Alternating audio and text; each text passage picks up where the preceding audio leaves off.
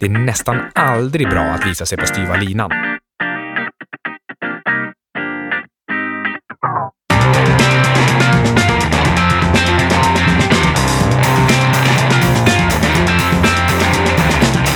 Du lyssnar på 25 minuter och det här är avsnitt 12. Programmet om säkerhetsmarginaler. Jag heter Carl Mikael Syding och med mig har jag Ludvig Sundström. Tack för det Micke. Vi Ludvig. är tillbaka. Ludvig, Ja. winter is coming. Var kommer det ifrån? Vintern är i antågande. Och det kommer från Game of Thrones. Även om just den här vintern kanske är, i sluttampen nu och, och aldrig blev särskilt mycket, så är poängen är att vintern kommer alltid förr eller senare. Du, får, du kommer råka ut för bakslag. Framför allt så vill man se till att när vintern kommer, när bakslagen slår till, då får de inte vara förödande. Det, det får göra ont, ehm, men det får inte vara dödligt. Ja, då ska man ha lite, i baktanken ska man ha lite överlevnadsstrategi och investeringsfilosofi för svåra tider. Ja, själv så tänker jag på bland annat tre områden då det är viktigt att säkra upp nedsidan. Okej. Jag tänker bland annat på eh, finansiella investeringar. Ja. Det är ganska viktigt. ja. Jag tänker på att säkra upp en inkomst, att ha en, en uthållig karriär eller eget företag. Någonting där man ändå har, eh, ja, ser till att få ett inflöde av, av resurser så att man kan säkra upp ett inflöde och ett annat inflöde. Skulle du kunna ge något väldigt praktiskt exempel bara, där bara lite snabbt ifall man inte fattar? Ja, alltså jag tänker om du, om du står som eh, hamburgerflippare på McDonalds, då kanske du ändå ska fundera över de här hamburgerrobotarna som är på väg och se till att du faktiskt kan göra någonting annat också. Och sen tänker jag också ett tredje område, vilket kanske egentligen är det viktigaste, eller historiskt har det i alla fall varit det, och det är risken att skadas eller dö. Ja, jag har faktiskt tagit försäkring, två stycken försäkringar på sistone. Just av det här, den här anledningen. Det första är att min mobil blev snodd alldeles nyss. Och det var inte så kul, så då var jag tvungen att köpa en ny mobil. Och det andra fallet är när jag åker utomlands så måste jag ha någon försäkring. Ja, där handlar det kanske framför allt om när du åker utomlands att du vill se till att du faktiskt får vård utan att behöva redovisa cash. Ja, jag har ju egentligen, det är inte problem, många personer som tar försäkringar är det för att de är psykologiskt oroade. Jag har inte riktigt det problemet, jag är inte oroad för så mycket när det kommer till sånt där. Utan jag är ganska strategisk och tänker förhoppningsvis någorlunda logiskt. Men det är mer från en matematisk synpunkt att jag kommer tjäna pengar på det. Till exempel, min mobil blev snodd. Den blev snodd på, ja vad var det nu, fyra månader och jag betalade typ 5000 eller någonting för den. Ja, då är det uppenbart att jag kommer tjäna mer än försäkringen kostar på den tiden. För att jag förutser att det skulle kunna hända igen. Samtidigt, när man säkrar upp nedsidan, så måste man se till att inte förstöra uppsidan helt och hållet. Inom investeringar till exempel så måste man ju faktiskt fortfarande ta någon typ av risk för att få en uppsida.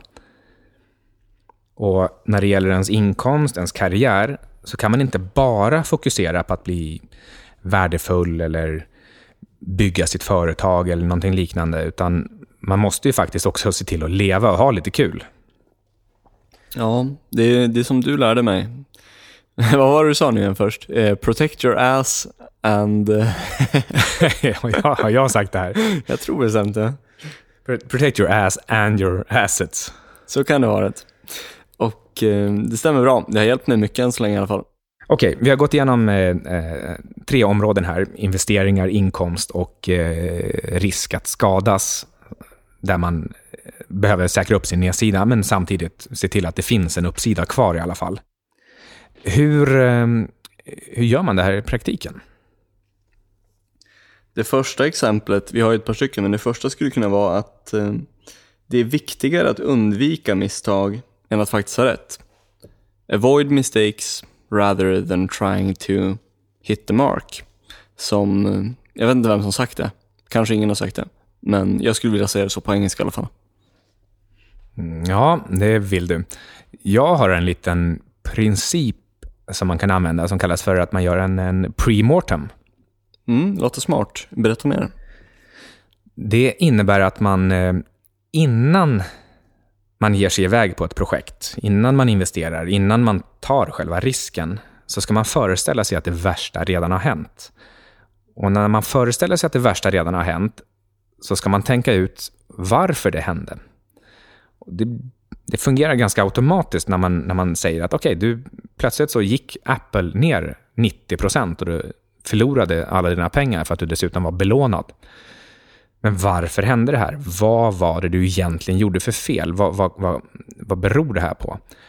Och då fungerar sinnet så att du faktiskt plockar fram ett antal anledningar som det skulle kunna ha varit. För Det är ganska lätt att vara efterklok. Mm. Och då innebär det också att du faktiskt kan undvika de här riskerna i förväg. Kanske skulle du inte ha köpt med belåning. Kanske ja, det... skulle du inte ha köpt just Apple. Ja, det där, det där det där är ju faktiskt, dels har det mycket med att göra med, som du brukar snacka om, att känna sig själv och veta hur man själv kan reagera i förväg och tänka på det. Vad är det värsta som jag skulle kunna göra i förväg ifall det verkligen går fel? Ett annat exempel är om man tänker sig att man håller på med någonting och eh, ja, man kanske har en deal på gång eller man, har ett, eh, man håller på med ett kontrakt eller någonting. Vad är det absolut värsta som skulle kunna hända? What if it doesn't happen? Vad ska jag göra i så fall? Vad har jag för plan B? Ja, det, det, är väldigt lätt i de allra flesta sammanhang att faktiskt bara tänka på uppsidan. Jag, jag tror att det här gäller inte minst oerfarna finansiella investerare. Ja, men in, inte bara det, utan också du... Det, var något kul som du berättade häromdagen om... Eh, eh vad var det? Eh, gällande Swedbank. Ja, just det.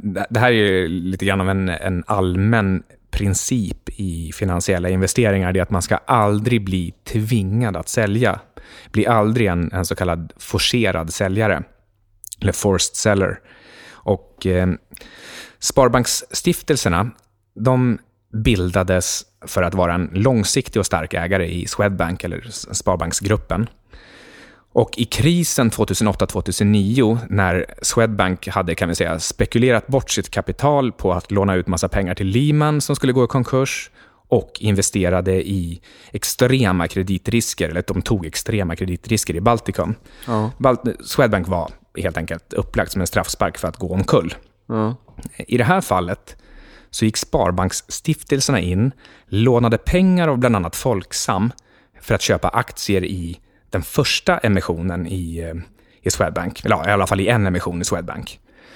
Och ja, de tänkte inte långsiktigt, de tänkte inte på hur stor nedsidan kunde vara. Och kursen gick ner. Kursen gick ner så långt att Sparbanksstiftelsen blev på pappret insolvent. Och då kolade Folksam och de övriga sitt lån och fick in aktierna som var som pant. Och därmed så gick Sparbanksstiftelserna gick ner till noll, de gick omkull. Och Folksam fick aktierna. Och sen strax efter det här så, så löste man hela problemet. Det var lite, lite statsinblandning, det var väl säkert att eh, i och med att Folksam tog över så, så fanns det inga lån som var några problem.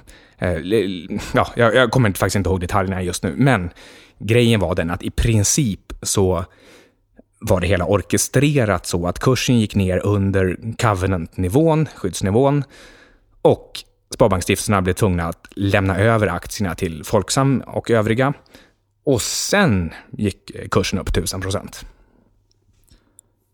Skulle man kanske kunna sammanfatta det där som att eh, först och främst så tänkte inte de riktigt i förväg. De tänkte inte på en plan B, de tänkte inte vad som skulle kunna gå fel. Och sen i andra hand så tänkte inte, ja vem vet vilka, kanske finansiella systemet, vad som skulle kunna hända om det vi inte tänkt går fel. Jag tror att de, de utgick helt enkelt ifrån att Sparbanken kan aldrig gå omkull. Eller Swedbank. Och eh, det var ju ett totalt felslut. Det är klart att Swedbank kan gå omkull. De var ju i princip omkull bara 14 år tidigare.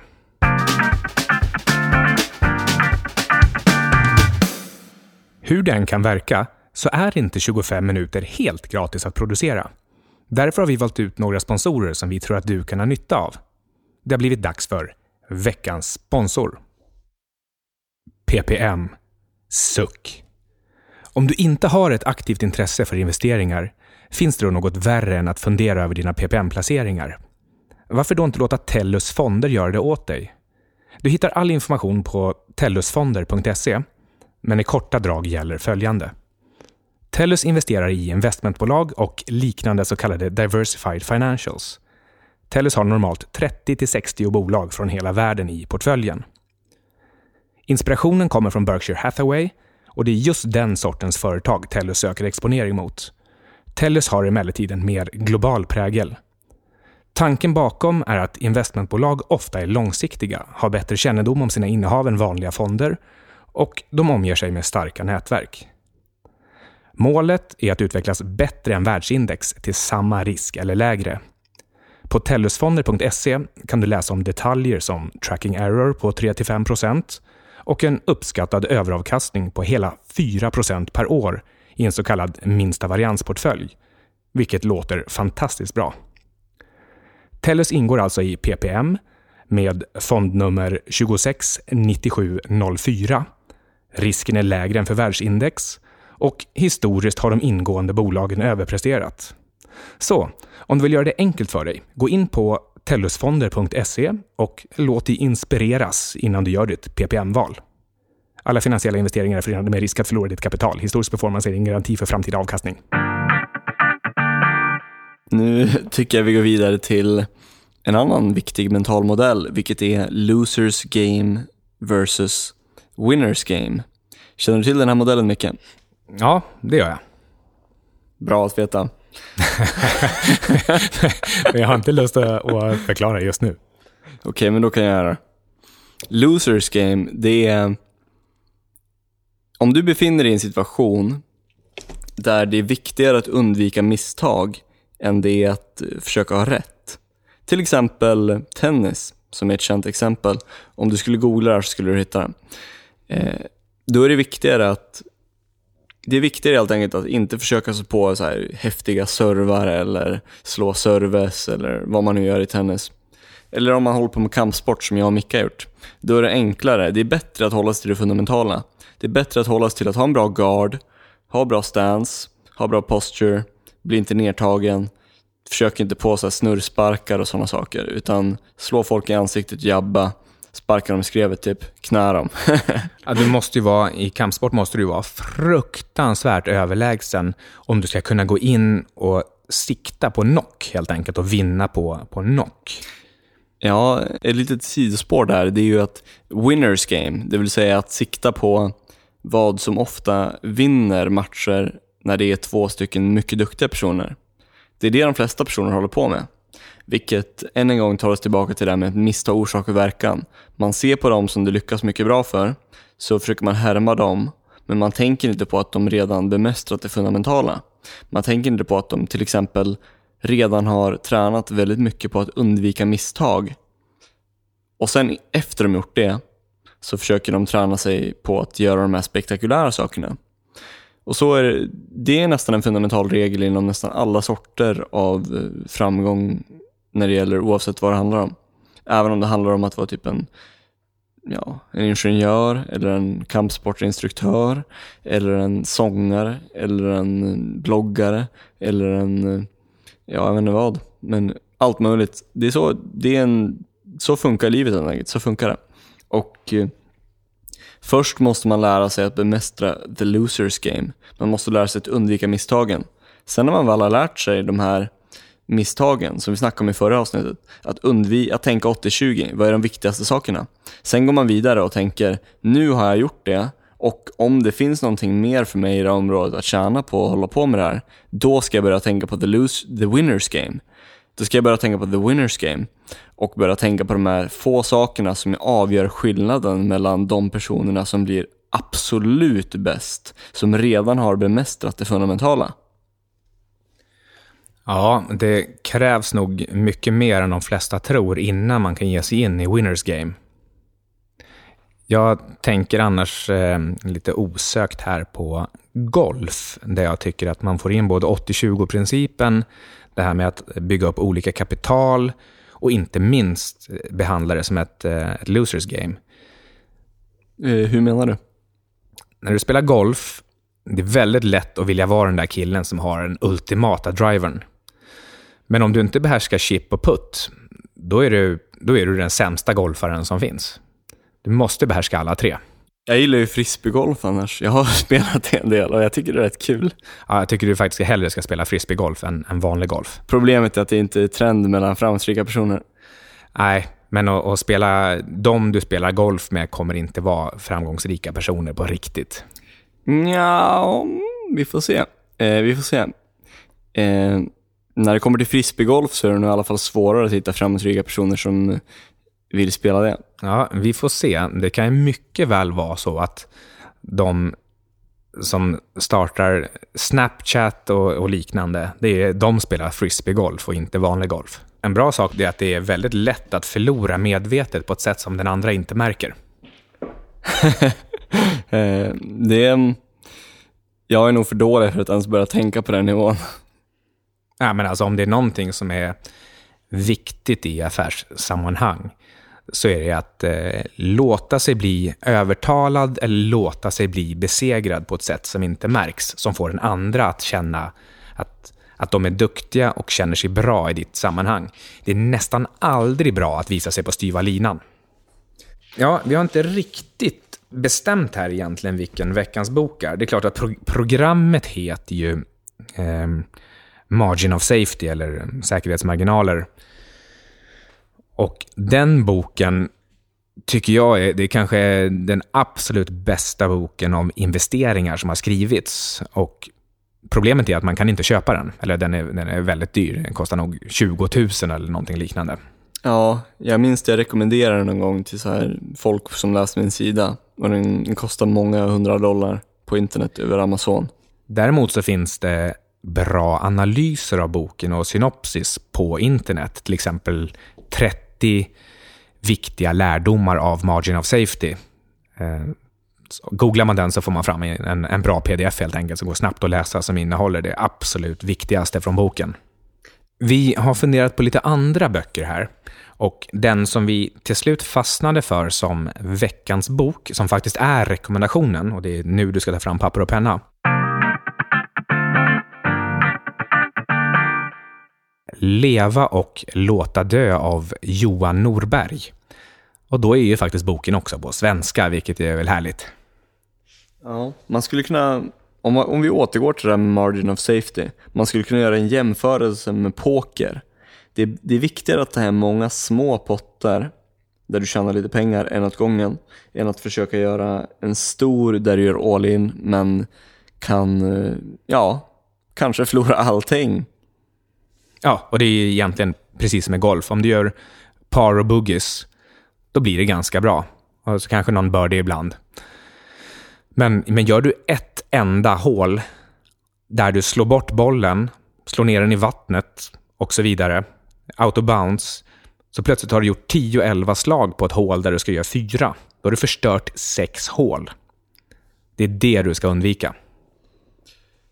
Om allting i mitt liv om totalt allting som jag jobbat för skulle gå åt helvete så skulle jag ändå kunna fixa jobb för att jag känner folk. Och eh, om det skulle skita sig så skulle jag ändå kunna antagligen vara en entreprenör som sysslar med teknologiska grejer. Då jag skulle kunna jobba som en slags, eh, ja vad ska man säga, att jag styr ihop arbeten åt folk som jobbar inom teknologi. Folk som är programmerare, folk som är designers, folk som är liknande saker. Mm, men det, vad du har gjort här, det är att du har inte fokuserat på att bara ha ett diplom från en utbildning, utan du har sett till att ett, kunna saker, två, känna folk, tre, vara trygg i att ta ansvar för dig själv, säkert ytterligare någonting. Själva grejen är att du har byggt upp flera olika färdigheter, flera olika kapital och du kan falla tillbaka på vilken som helst av dem.